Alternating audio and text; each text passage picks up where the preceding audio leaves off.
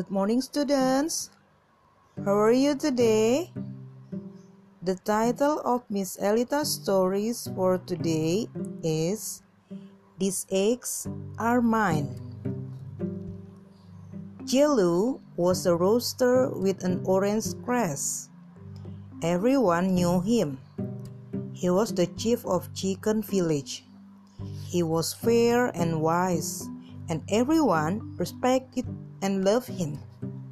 Every morning, he woke up and crowed to greet the sunrise and to wake his villagers.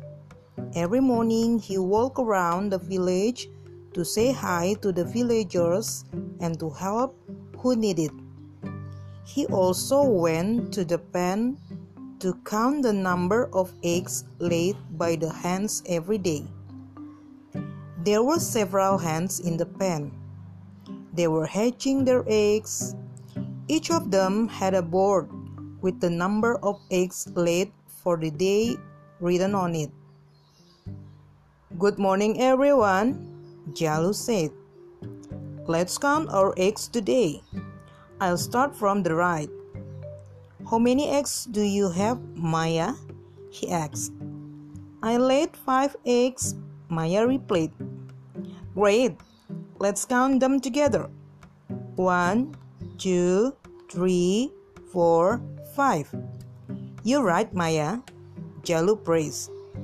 Mia, now it's your turn. Your board says you have 10 eggs. Let's count them together. One, two, three, four, five, six. Why do you have only six eggs? Jello wondered. Liar! Liar pants on fire! Mira mocked her cynically. I'm not lying. I laid ten eggs, Mia said in confusion. I think you wrote ten only to impress us. Mira kept on mocking her. Yes, I think so. Why don't you admit it? Liar! Mita, Mira's friend, retorted. Commotion started in the pen. All right, cut it off. You can't say that without any proof. Let's check together, said Jalu ordering the security to guard the pen. He walked back and recounted the eggs.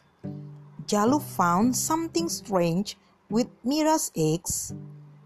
The board said she had six eggs, but there were eight eggs in her pan. And Mita had seven eggs, though her board said five. Why do you have more eggs than it says on the board? Jello asked. Uh, we're sorry. It seems that we wrote the wrong number. They answered nervously. It made Jello suspicious. He took a magnifying glass and walked around like a detective. And finally, he shouted, Aha! The pen was in commotion again. Mira and Mita looked at each other, and both of them turned pale. Everybody calm down. Mia, please come forward and bring your eggs. Jalu ordered. Jello picked up an egg. Look closely. Mia put small M on each of her eggs to mark them. Now look around. Find eggs with this mark, he ordered. The hens looked around to check. Suddenly, someone said, Jello, we find marked eggs among Mira's and Mita's. Clapping his hand, Jello said, You're right. They're the ones who stole the eggs. Mia, you're smart. Without the marking, it's hard to find the liars. Jello praised. Mira and Mita, why did you lie? Jello demanded. Uh, we're, we're jealous. Mia always lays more eggs than us. Mira replied in shame. We're sorry, Mia, they said solemnly.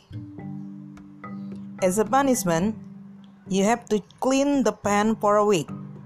And for the others, follow Mia. Mark your eggs so you don't mistake them with others, Jalu said. So the student, we learn from the incident that envy and lying were not good.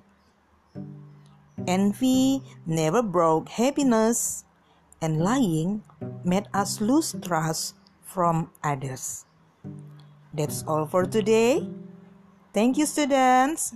Bye bye.